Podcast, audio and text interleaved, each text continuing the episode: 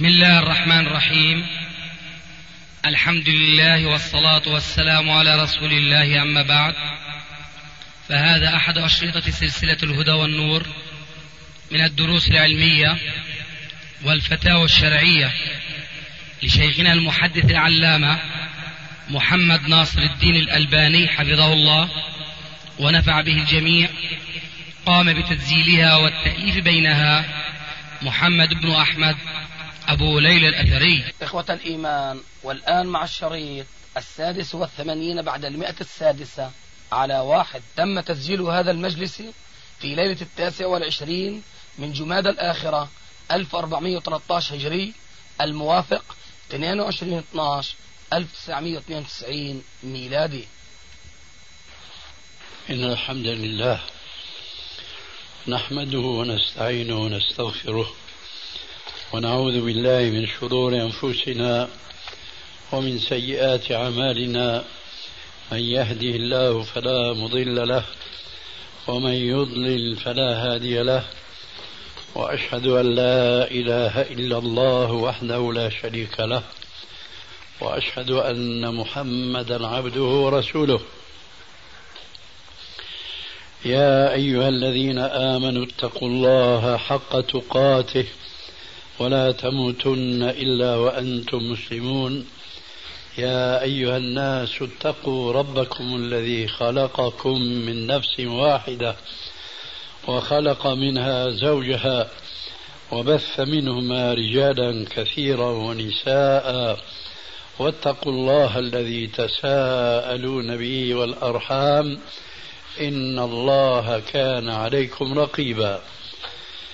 يا أيها الذين آمنوا اتقوا الله وقولوا قولا سديدا يصلح لكم أعمالكم ويغفر لكم ذنوبكم ومن يطع الله ورسوله فقد فاز فوزا عظيما. أما بعد فإن خير الكلام كلام الله وخير الهدي هدي محمد صلى الله عليه وآله وسلم وشر الأمور محدثاتها وكل محدثة بدعة وكل بدعة ضلالة وكل ضلالة في النار. وبعد. هات نشوف. أنت السائل؟ اي بس. تفضل عندنا الله يكرمك حتى طولك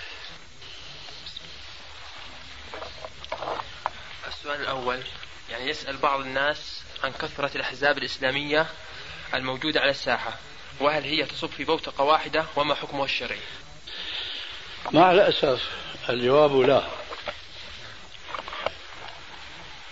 الأحزاب الموجودة اليوم أو الجماعات القائمة على الأرض الإسلامية تتعدد مناهجها وتختلف نظمها اختلافا كبيرا.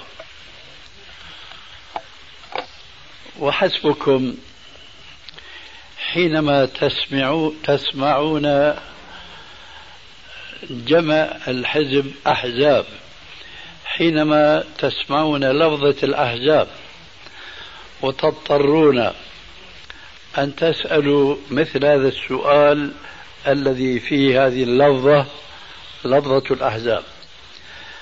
حسبكم أن تلاحظوا معي هذه اللفظة لتعلموا أن ذلك ليس على منهج الإسلام الذي قال ربنا عز وجل في القرآن من جهة قال ولا تكونوا من المشركين من الذين فرقوا دينهم وكانوا شيعا كل حزب بما لديهم فرحون. وقال في آية أخرى منبها أن حزبا واحدا هو الذي يكون الحزب الناجح والحزب الفالح.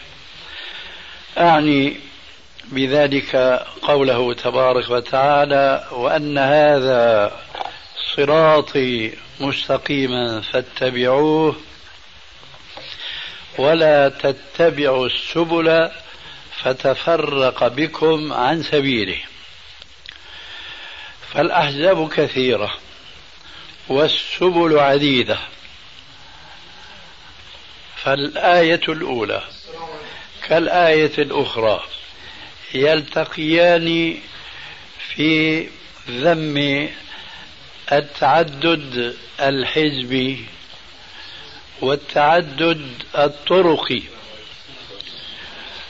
ويبين في كل منهما ربنا عز وجل بصراحة ما بعدها صراحة أن الطريق الموصل إلى الله عز وجل إنما هو طريق واحدة أو طريق واحد.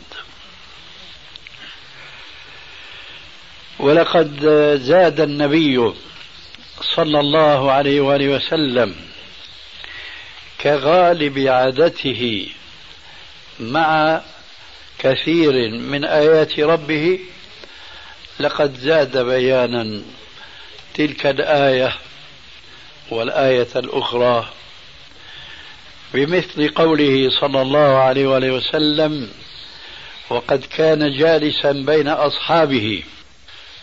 كان رسول الله صلى الله عليه وآله وسلم ذات يوم جالسا بين أصحابه جلسته المعروفة الدالة على تواضعه. كان جالسا على الأرض فخط عليها خطا مستقيما. وخط حول هذا الخط المستقيم خطوطا قصيرة. خط مستقيم وعلى جانبي الخط المستقيم خطوط قصيرة. ثم قرأ الآية الثانية. فقال وأن هذا صراطي مستقيما فاتبعوه ولا تتبعوا السبل فتفرق بكم عن سبيله. ثم قال وهو يمر إصبعه الشريفة على الخط المستقيم. هذا صراط الله. وهذه طرق وعلى رأس كل طريق منها شيطان يدعو الناس إليه.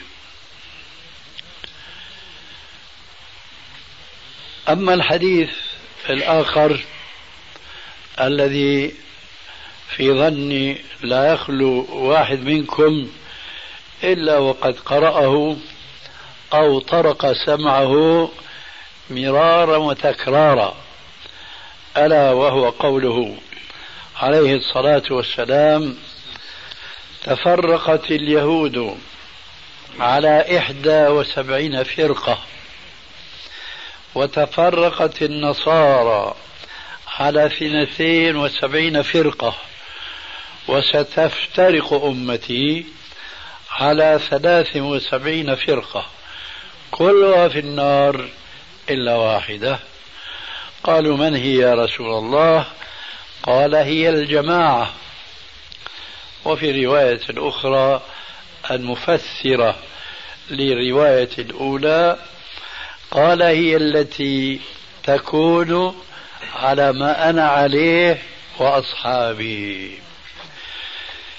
فهذا الحديث أيضا يؤكد أن النجاة لا تكون بالتفرق والتحزب إلى أحزاب وشيع وطرق شتى وإنما بالانتماء إلى طريق واحدة وبالسلوك طريقا واحدا ألا وهو طريق محمد صلى الله عليه وآله وسلم.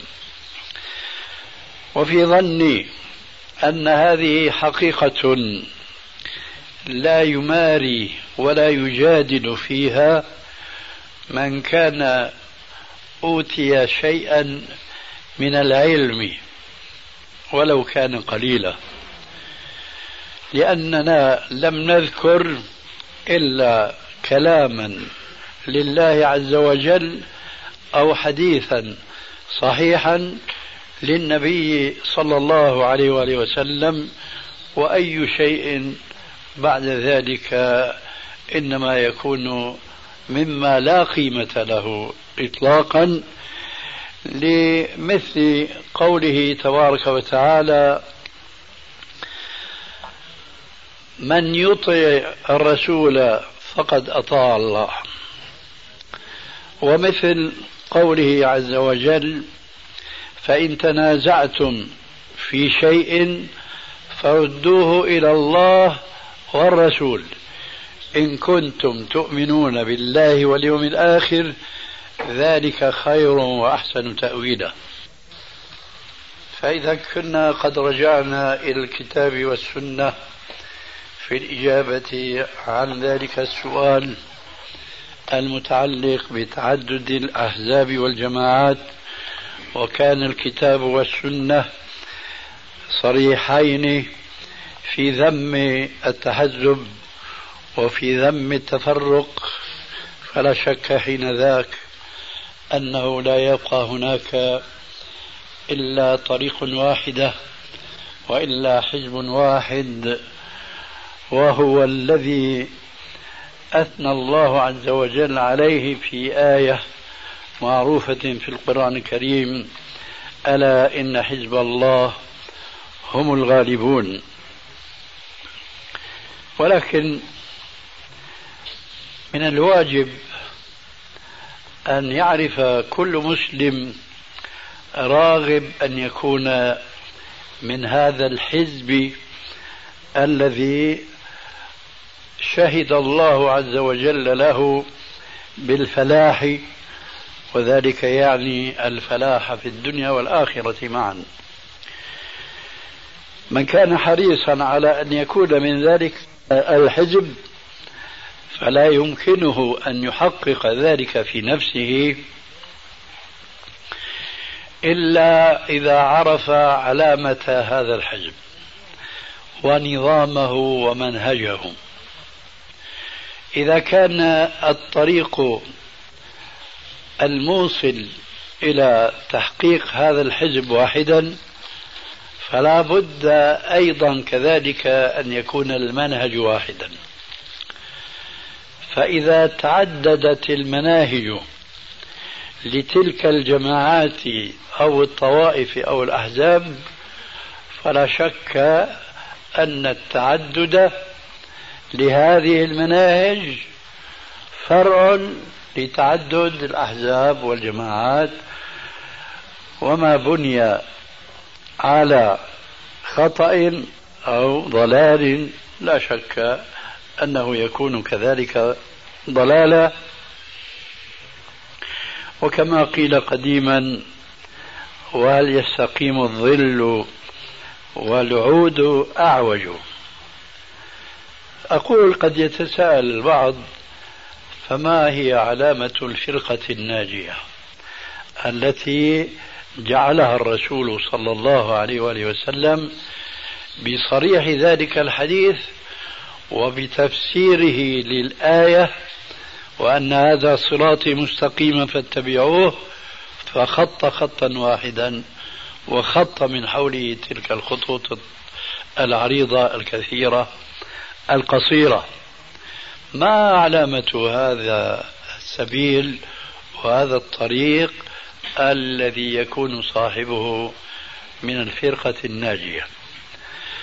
الجواب كما سمعتم في الحديث حينما قال عليه الصلاة والسلام أن من بين تلك الفرق الثلاث والسبعين فقط فرقة واحدة ناجية ووصفها بأنها التي تكون على ما كان عليه الرسول صلى الله عليه وآله وسلم وما كان عليه أصحابه.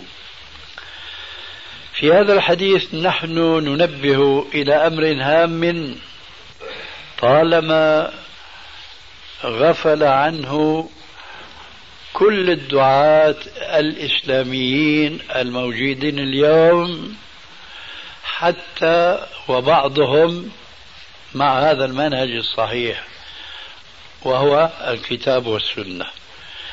في هؤلاء من لا يتنبه لهذا الذي ذكره الرسول عليه السلام في الحديث عطفا على قوله ما أنا عليه. ما اقتصر النبي صلى الله عليه وآله وسلم على قوله في وصف الفرقة الناجية ما أنا عليه.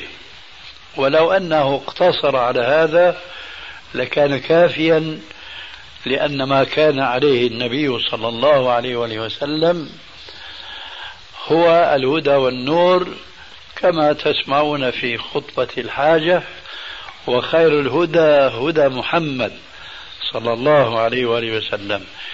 إذا لماذا ذكر عليه الصلاة والسلام وعطف على قوله ما أنا عليه فقال وأصحابي؟ هذا العطف مما لا يعطف عليه كثير من الدعاة ولو كانوا معنا على منهج الكتاب والسنة. ولذلك فقد جريت على الدندنة والتطواف دائما وأبدا حول هذه الجملة المعطوفة وأصحابي لأهميتها. أهميتها من ناحيتين.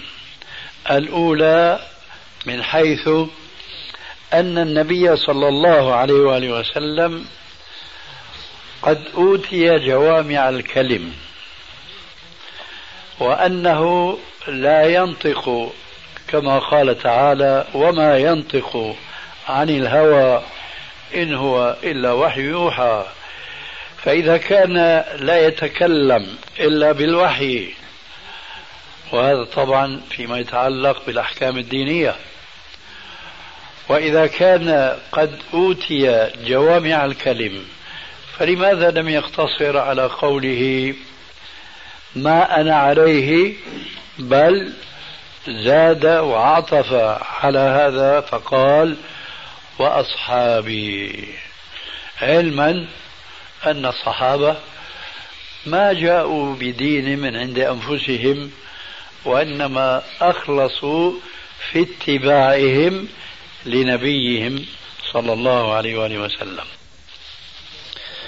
السبب في ذلك هام جدا وهو أن ما كان عليه الرسول صلى الله عليه وآله وسلم وهو الذي يسمى بالسنة السنة التي جاء ذكرها في أكثر من حديث واحد. من ذلك قوله عليه الصلاة والسلام في حديث الرهط الذين سألوا نساء النبي عن عبادته عن صيامه وقيامه وإتيانه لنسائه والقصة معروفة ولا أريد أن أطيل أكثر مما يقتضيه الوقت جوابا عن هذا السؤال. وإلا فهذا الحديث وحده يستحق محاضرة كاملة لا أقل ساعة من الزمن. حسبي فيه أو منه أن النبي صلى الله عليه وآله وسلم قال في آخر هذا الحديث المعروف بحديث الرهط بعد أن ذكر قوله عليه السلام أما إني أخشاكم لله وأتقاكم لله أما إني أصوم وأفطر وأقوم الليل وأنام وأتزوج النساء فمن رغب عن سنتي فليس مني. فمن رغب عن سنتي فليس مني. سنته صلى الله عليه وآله وسلم لا تعني المعنى الاصطلاحي عند الفقهاء الذي يعني بالسنة ما ليس بفريضة. لا يعني الرسول عليه السلام في أي حديث ذكر فيه لفظة السنة معنى السنة المصطلح عليها في فروع الفقه حيث يقولون مثلا فرائض الصلاة سنن الصلاة ويعرفون السنة ما يثاب فاعلها ولا يعاقب تاركها. ليس هذا المعنى هو المقصود في مثل قوله عليه الصلاة والسلام فمن رغب عن سنتي فليس مني.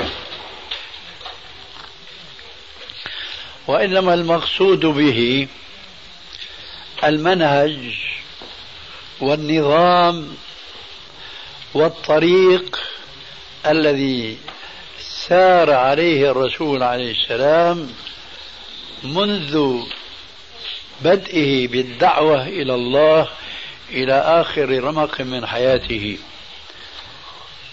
هذا النظام وهذا المنطلق وهذا الطريق الذي سار عليه الرسول عليه السلام هو المقصود بالسنة فيما إذا ذكر في حديث من أحاديث النبي صلى الله عليه وآله وسلم ومن الواضح أن السنة بمعنى بهذا المعنى المقصود من حديث الرسول عليه السلام يعني الإسلام كلا لا يتجزأ سواء بفرائضه أو بسننه أو بمستحباته أو مندوباته أو مباحاته سواء في أسلوب الدعوة أو في جوهر الدعوة.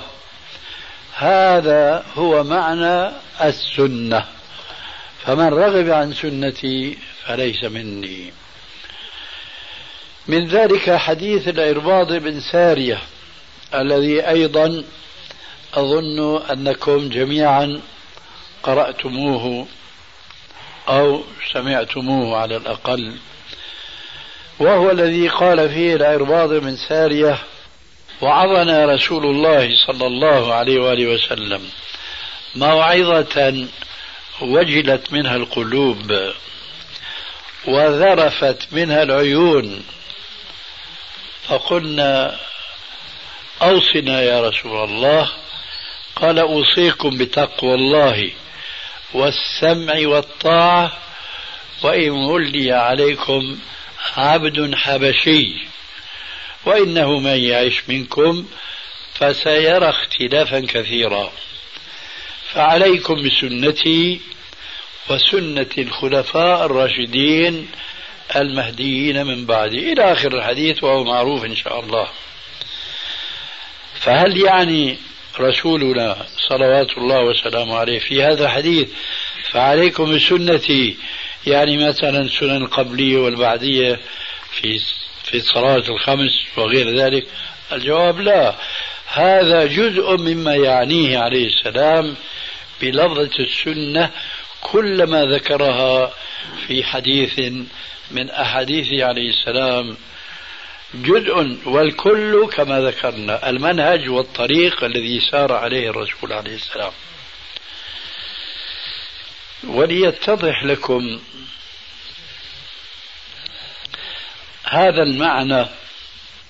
أضرب لكم مثلين له مساس في واقع كثير ممن يدعي أنه يدعو إلى الإسلام سواء كان حزبا أو كان طائفة أو كان جماعة.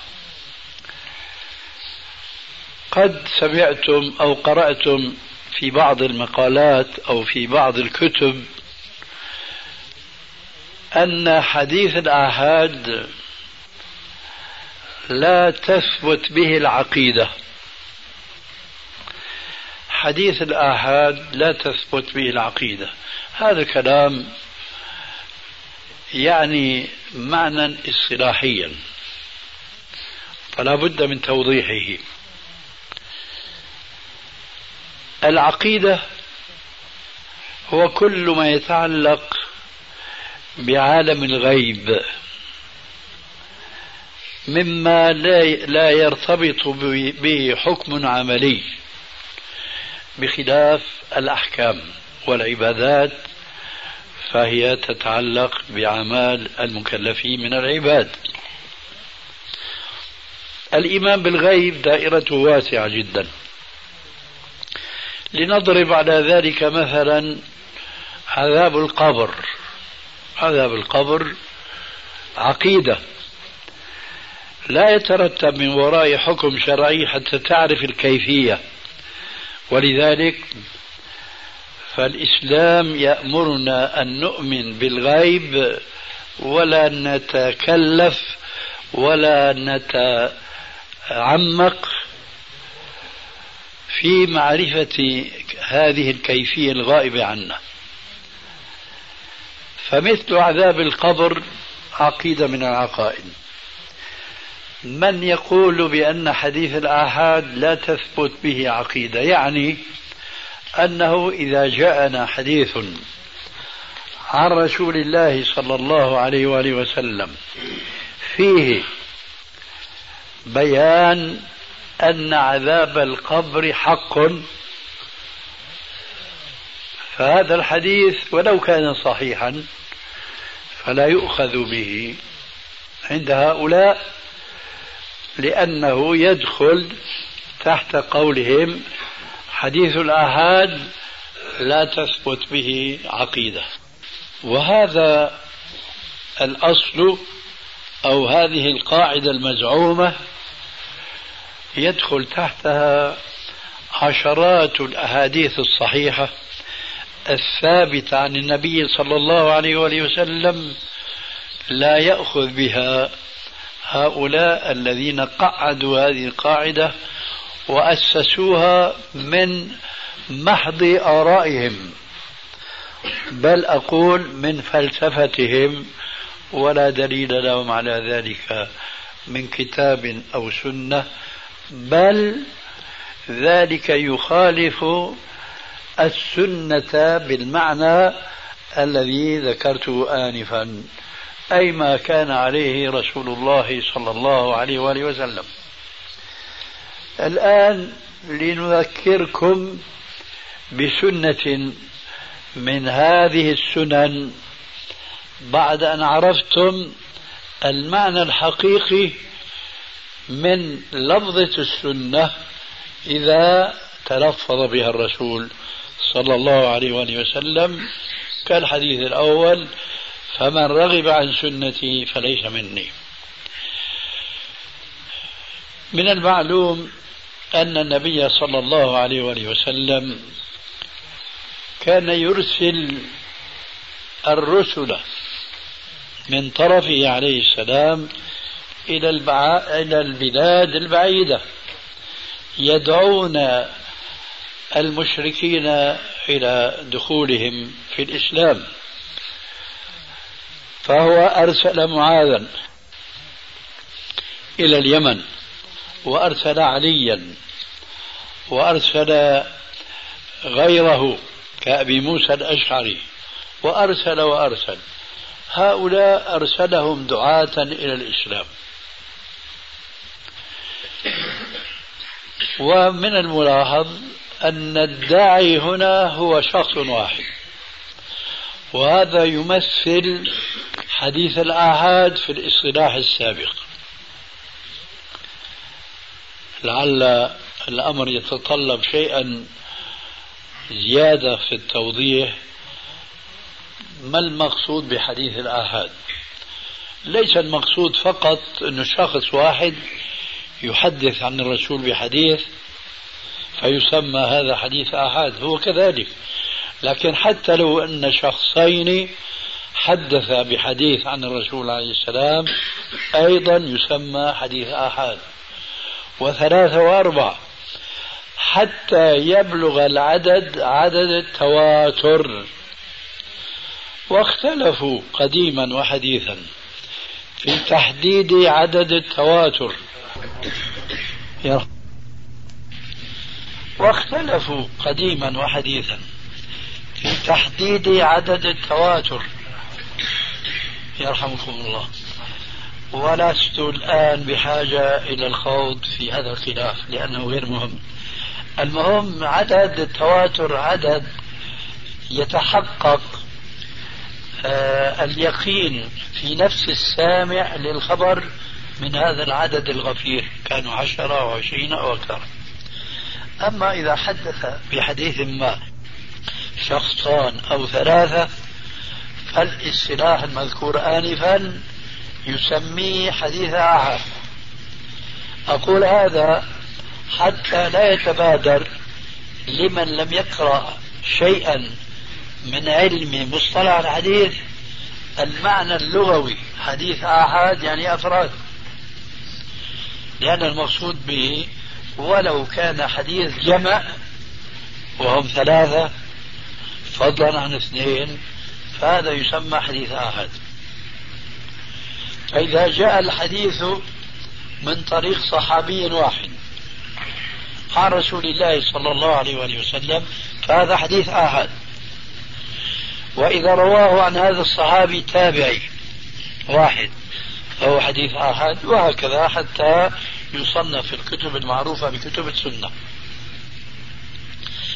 فإذا جاء مثل ذاك الحديث وعذاب القبر حق.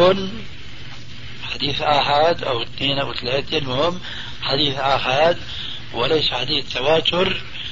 قال الذين قالوا حديث الآحاد لا تثبت به عقيدة. هذا الحديث نحن لا نأخذ به. لماذا؟ لأنه حديث آحاد. طيب ماذا يقولون؟ هنا الشاهد. ماذا يقولون عن رسول الله صلى الله عليه وسلم؟ حين أرسل أولئك الأصحاب مرة أبا موسى مرة معاذ بن جبل مرة علي بن أبي طالب مرة دحية الكلب كثير وكثير جدا. هؤلاء أفراد كانوا يبلغون الناس الذين سمعوا باسم الرسول عليه الصلاة والسلام ولا يعرفون إلى ماذا يدعو إليه. فأرسل الرسول صلى الله عليه وسلم واحدا منهم ليعرفهم بدين الإسلام. فلو كان حديث الآحاد لا تقوم بحجة فمعنى كلامهم هذا أن الرسول عليه السلام ما أحسن أسلوب الدعوة لأنه أرسل أفرادا لا تقوم بهم الحجة بناء على قاعدة حديث الآحاد لا تقوم به حجة.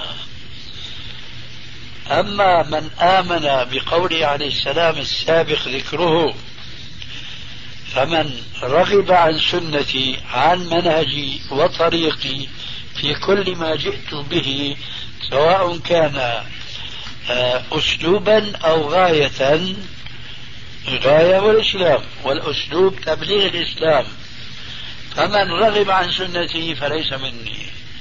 فإذا كان يوجد اليوم كما وجد قبل اليوم بسنين طويلة من قال حديث الآحاد لا تثبت به العقيدة معنى ذلك أن الإسلام لا يثبت بقول العالم الفلاني والعالم الفلاني معلما الذين لا يعلمون وأنتم تعلمون قول رب العالمين فاسألوا أهل الذكر إن كنتم لا تعلمون. ولقد قال بعضهم لبعض هؤلاء الذين يتبنون هذه الفلسفة الدخيلة في الإسلام والمخالفة لسنة النبي عليه الصلاة والسلام ألا وهي حديث الآحاد لا تثبت به عقيدة. قال مرة بعضكم يذهب أحيانا إلى بعض البلاد الكافرة مثل اليابان مثلا. يدعو إلى الإسلام. وأول ما يبدأ بالدعوة إلى الإسلام لابد يبدأ بالعقيدة لأن الأصل أصل الإسلام بني على قوله تعالى فاعلم أنه لا إله إلا الله. فحينما أنت تدعو إلى الإسلام فأنت تناقض نفسك بنفسك كيف؟ أنت فرد وتدعو الكفار إلى أن يؤمنوا بهذا الإسلام الذي تنقله أنت إليهم وأنت تقرر لهم أن حديث الآحاد لا تقوم به حجة صار هنا تنافر وصار هنا تضاد ومعنى هذا أنه لا يمكن أن تقوم حجة الله على أي كافر أو على أي جماعة من الكفار إلا إذا ذهب جماعة من المسلمين يبلغون أولئك الأقوام دين الإسلام. هذا أمر حسن أن يذهب جماعة من أهل العلم يبلغون الإسلام. هذا أمر حسن ولكن إذا لم يتيسر إلى واحد أو اثنين كما فعل النبي صلى الله عليه وسلم. لا تقوم حجة الإسلام بهذا الواحد والاثنين. تلك الفلسفة الدخيلة في الإسلام تقول لا تقوم الحجة. وهذه قاعدة معروفة حديث الآحاد لا تقوم به حجة. وعرفتم أنه يخالف سنة النبي صلى الله عليه وسلم حينما أرسل دعاة من طرفه أفرادا وآحادا. بل قد جاء في صحيح البخاري من حديث أنس بن مالك رضي الله تعالى عنه أن النبي صلى الله عليه وآله وسلم لما أرسل معاذا إلى اليمن قال إنك تأتي أقواما من أهل الكتاب فليكن أول ما تدعوهم إليه شهادة أن لا إله إلا الله وأن محمد رسول الله. فإنهم أطاعوك فمرهم بالصلاة. فإنهم استجابوا لك فمرهم بالزكاة بالصيام وهكذا. فأمره أن يبدأ حينما يدعو أولئك النصارى بعقيدة التوحيد. عقيدة التوحيد أس العقائد الإسلامية كلها. فإذا كان حديث الآحاد وهنا معاذ. لا تقوم به حجة فلازم هذا القول أبطل ما يكون وهو أن الرسول صلى الله عليه وسلم كان من الواجب عليه أن يرسل عشرات من مثل هذا الصحابي ويجتمعون كلهم ويبلغونه الإسلام. وهذا مما لم يقع من الرسول عليه السلام. لما؟ لأن الحجة تقوم ولو بفرد واحد ولكن بشرط أن يكون عالما بشرط أن يكون فقيها. قلت آنفا لو ذهب جماعة من أهل العلم إلى بلد ما فدعوهم إلى الإسلام بلا شك هذا أقوى. لكن يشترط في هؤلاء أن يكونوا من العلماء. قلت من قبل قليل بأني أضرب لكم مثلين مما يتعلق بواقع بعض الدعاة اليوم. فهذا هو المثل الأول أن حديث الآحاد لا تثبت به لا تقوم به حجة وهذا خلاف قوله عليه السلام وفعله. المثال الثاني.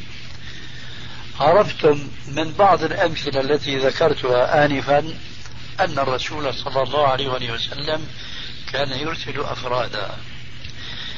ما كان يرسل مع هؤلاء الأفراد جماعات من عامة الصحابة أي ممن يشملهم قوله تعالى فاسألوا أهل الذكر إن كنتم لا تعلمون أي ما كان رسول الله صلى الله عليه وسلم يرسل مع أمثال أولئك الدعاة الذين سمينا لكم بعضهم كمعاذ ما كان يرسل معه خمسة أو عشرة أو أكثر من أصحاب الرسول عليه السلام الذين ليسوا بعلماء.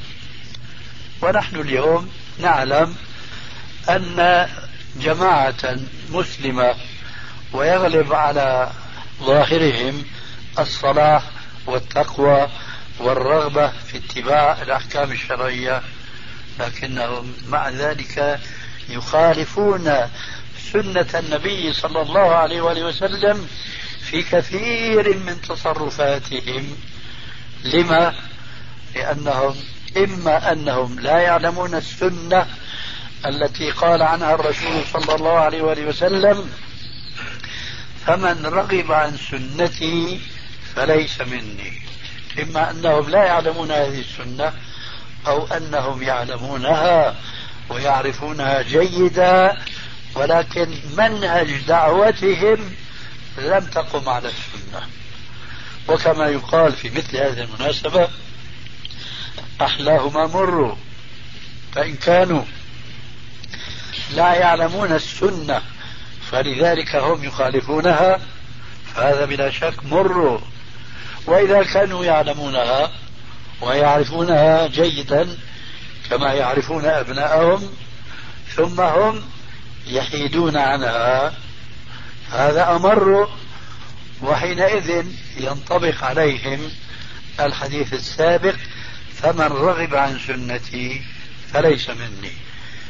إذا هذان مثلان مما يترتب من التعدد الحزبي أو تعدد الطوائف أو تعدد الجماعات بسبب تعدد المناهج والمنهج إنما هو ما كان عليه رسول الله صلى الله عليه وآله وسلم وأصحابه كما عرفتم من حديث الفرقة الناجية. ما أنا عليه وأصحابي وأؤكد أؤكد معنى هذا الحديث بقوله تعالى وأرجو أن تنتبهوا لمعنى هذه الآية ولا يتغلبن على فرد منكم فكرة قائمة منذ القديم فلا يعرج ولا ينتبه لما يسمع من جديد من قول الرسول عليه السلام السابق ذكره ومن قول ربنا عز وجل الذي أختم به الجواب عن هذا السؤال ألا وهو قول الله تبارك وتعالى ومن يشاقق الرسول من بعد ما تبين له الهدى ويتبع غير سبيل المؤمنين نولي ما تولى ونصله جهنم وساءت مصيرا. ويتبع غير سبيل المؤمنين. أي مؤمنين يا ترى هؤلاء؟ المؤمنون الذين تفرقوا شيعا وأحزابا كل حزب بما لديهم فرحون. أم المؤمنون الأولون السابقون الذين أثنى عليهم رسول الله صلى الله عليه وآله وسلم؟ خير الناس قرني. ثم الذين يلونهم ثم الذين يلونهم. إن في ذلك لذكرى لمن كان له قلب أو ألقى السمع وهو شهيد. هذا السؤال الثاني. يسأل خروج المرأة للدعوة كما يفعله بعض رجال التبليغ حيث يخرجون مصطحبين نساءهم معهم. هل هذا جائز أم غير جائز؟ هذه في الحقيقة بدعة أخرى. ما كنا نسمعها من قبل.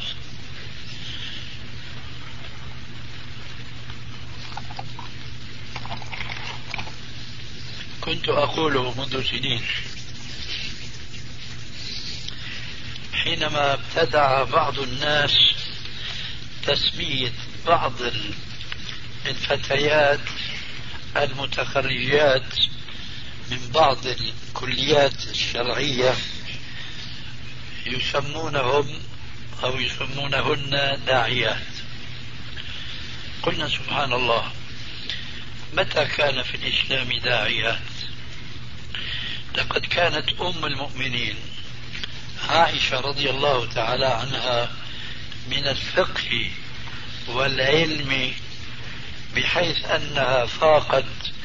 في ذلك كثيرا من أصحاب النبي صلى الله عليه وآله وسلم وكانوا من أجل ذلك يعرفون لها فضلها وسابقيتها في هذا المجال لأنها كانت أولا زوجة النبي صلى الله عليه وآله وسلم البكر ثم كانت أحب النساء إلى النبي صلى الله عليه وآله وسلم بشهادته هو.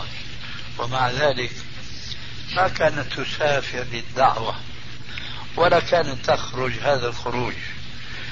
أنا ضربت مثلا آنفا مكتفيا بالإشارة والإشارة تغني اللبيب عن صريح العبارة بأن الخروج جماعات هكذا ليس فيهم إلا عالم واحد أو شبه عالم والآخرون لا علم عندهم فننصحهم كنا ولا نزال.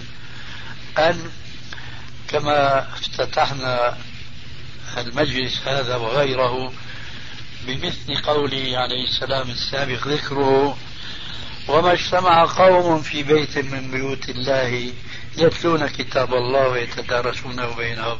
ننصحهم دائما وابدا بديل هذا الخروج الذي ليس لهم سلف منذ أربعة عشر قرنا.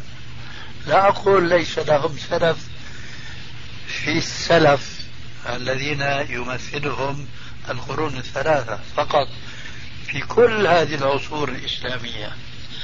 لم يسبق أن عالما يخرج ومعه عشرة عشرين ثلاثين أو أكثر إلى ماذا؟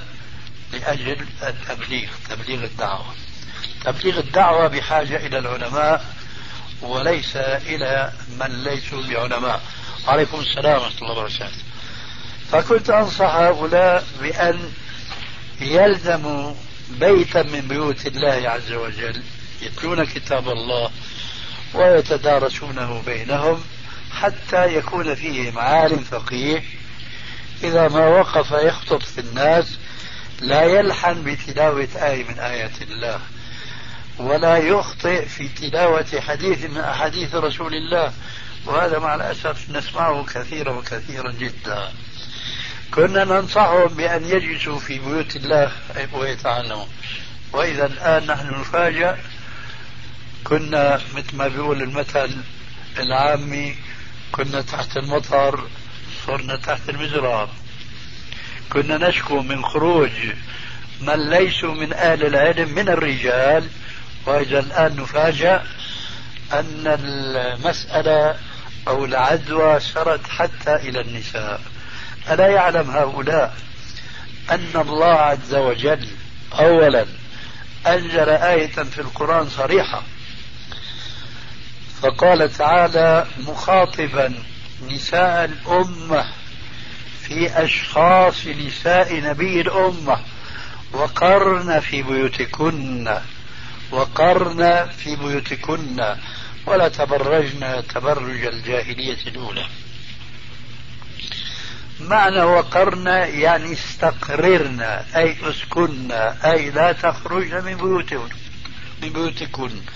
وإذا خرجتن لحاجة لا بد لكن منها فلا تبرجن تبرج الجاهلية الأولى. ألا يعلم هؤلاء قول النبي صلى الله عليه وسلم أن الأفضل للمرأة أن لا تخرج لتصلي مع جماعة المسلمين حيث قال رسول رب العالمين وبيوتهن خير لهن. بل قالت السيدة عائشة رضي الله تعالى عنها لو علم النبي صلى الله عليه وآله وسلم ما أحدث النساء من بعده لمنعهن المساجد. عليه الصلاة والسلام جاء بالإسلام الوسط وكذلك جعلناكم أمة وسطا. لا إفراط فيه ولا تفريط. لا غلو فيه ولا تضييع. وإنما كما قال وكان بين ذلك قواما. ما حرم على النساء أن يشاركن المسلمين بالصلاة في المساجد. لكن قال وبيوتهن خير لهن. ما حرم ذلك عليهن. لأن المرأة قد تحتاج أحيانا أن تصلي في المسجد لتسمع موعظة أو تتعلم علما وبخاصة في زمن قل فيه المعلمون والمتعلمون معا. ولذلك مع الأسف تجدون المساجد اليوم خاوية على عروشها فلا دروس تلقى فيها. أنا أدركت كثيرا من حلقات العلم في بعض المساجد هناك في دمشق. لكن ما خرجت من دمشق إلى هذا البلد إلا ولم يبقى هناك من يذكر الله عز وجل في مسجد من المساجد إلا هذا الشيء الروتيني كما يقولون اليوم خطبة جمعة خطبة عيد الأصغر أو الأكبر وبس. أما حلقات تقام وهذا ما شاهدته في قديم الزمان فلم يبقى لذلك ذكر مطلقا. الشاهد أن هذا النبي صلى الله عليه وآله وسلم الذي أنزل الله عليه وخاطب نساءه بقوله وقرن في بيوتكن فغير نساء الرسول عليه السلام أحوج إلى مثل هذا الخطاب الإلهي. كذلك حض النساء على أن يلتزمن في أدائهن لفرائضهن الخمس بيوتهن. وقال وبيوتهن خير لهن. فكيف هؤلاء؟ يقول أحدهم حينما يقوم منبها المصلين بعد سلام الإمام من الفريضة بعبارة خالفوا فيها أيضا السنة. سنة النبي صلى الله عليه وسلم التي كان يفتتح فيها أو بها كل خطبه وكل مواعظه وقد سمعتموها آنفا أما بعد فإن خير الكلام كلام الله وخير الهدي هدي محمد صلى الله عليه وسلم إلى آخره. أما هم فأنا والله مع سماعي لها كثيرا ما حضرتها لأني في غنى عنها بخطبة النبي صلى الله عليه وسلم. لكن في ذهني بعض الألفاظ منها وأنتم تذكرونها أحسن مني. وهي التي يكون نجاحنا وفلاحنا إلا باتباع سنة نبينا صلى الله عليه وسلم. طيب. أولا هذه الكلمة تخالف سنة النبي صلى الله عليه وسلم. كما قلت لكم آنفا في بعض الأمثلة السابقة. إن كانوا يعلمون السنة إن كانوا لا يعلمون فهذا مر. وإن كانوا يعلمونها ثم يعرضون هذا فهذا أمر. فهل لم يطرق سمع هؤلاء الذين يذكرون دائما أن فلاح هذه الأمة ونجاحها باتباع سنة النبي صلى الله عليه وسلم. فكيف يخالفون سنة النبي صلى الله عليه وسلم في عشرات المنطلقات التي ينطلقونها؟ منها هذه الكلمة بين يدي الدرس نجاحنا وفلاحنا باتباع سنة نبينا. رسولنا كان لا يقول هذا الكلام. كان يقول أما بعد فإن خير الكلام كلام الله وخير الهدي هدي محمد صلى الله عليه وسلم. إن كانوا لا يعلمون فهذا شر وإن كانوا يعلمون فهو أشر. وأنا أقول إنهم يعلمون. لماذا؟ لأنني أعلم من دمشق ومن عمان أن كثيرا من هؤلاء الطيبي القلوب أقولها بكل صراحة. لكن لكنهم ليسوا صالحي العلم ما عندهم علم. أعلم أنهم يقرؤون كتاب رياض الصالحين للإمام النووي رحمه الله. في رياض الصالحين هذا الحديث الذي كان الرسول عليه السلام يفتتح خطبه فإذا هم يعلمون هذه الخطبة. ولماذا لا يتبعون النبي صلى الله عليه وسلم فيها؟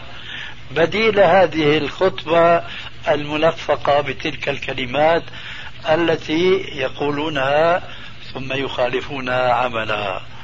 أنا أخشى ما أخشى أنهم لا يفعلون ذلك لأنهم ليسوا مع أهل السنة. في قول نبي السنة كل بدعة ضلالة وكل ضلالة في النار. بل إن دعوتهم قائمة على عدم إثارة هذه السنة وهذه بدعة. الآن نفاجأ بأنه بدأت النساء أيضا يخرجن مع الرجال. سبحان ربي. خير الناس هم أصحاب الرسول عليه السلام.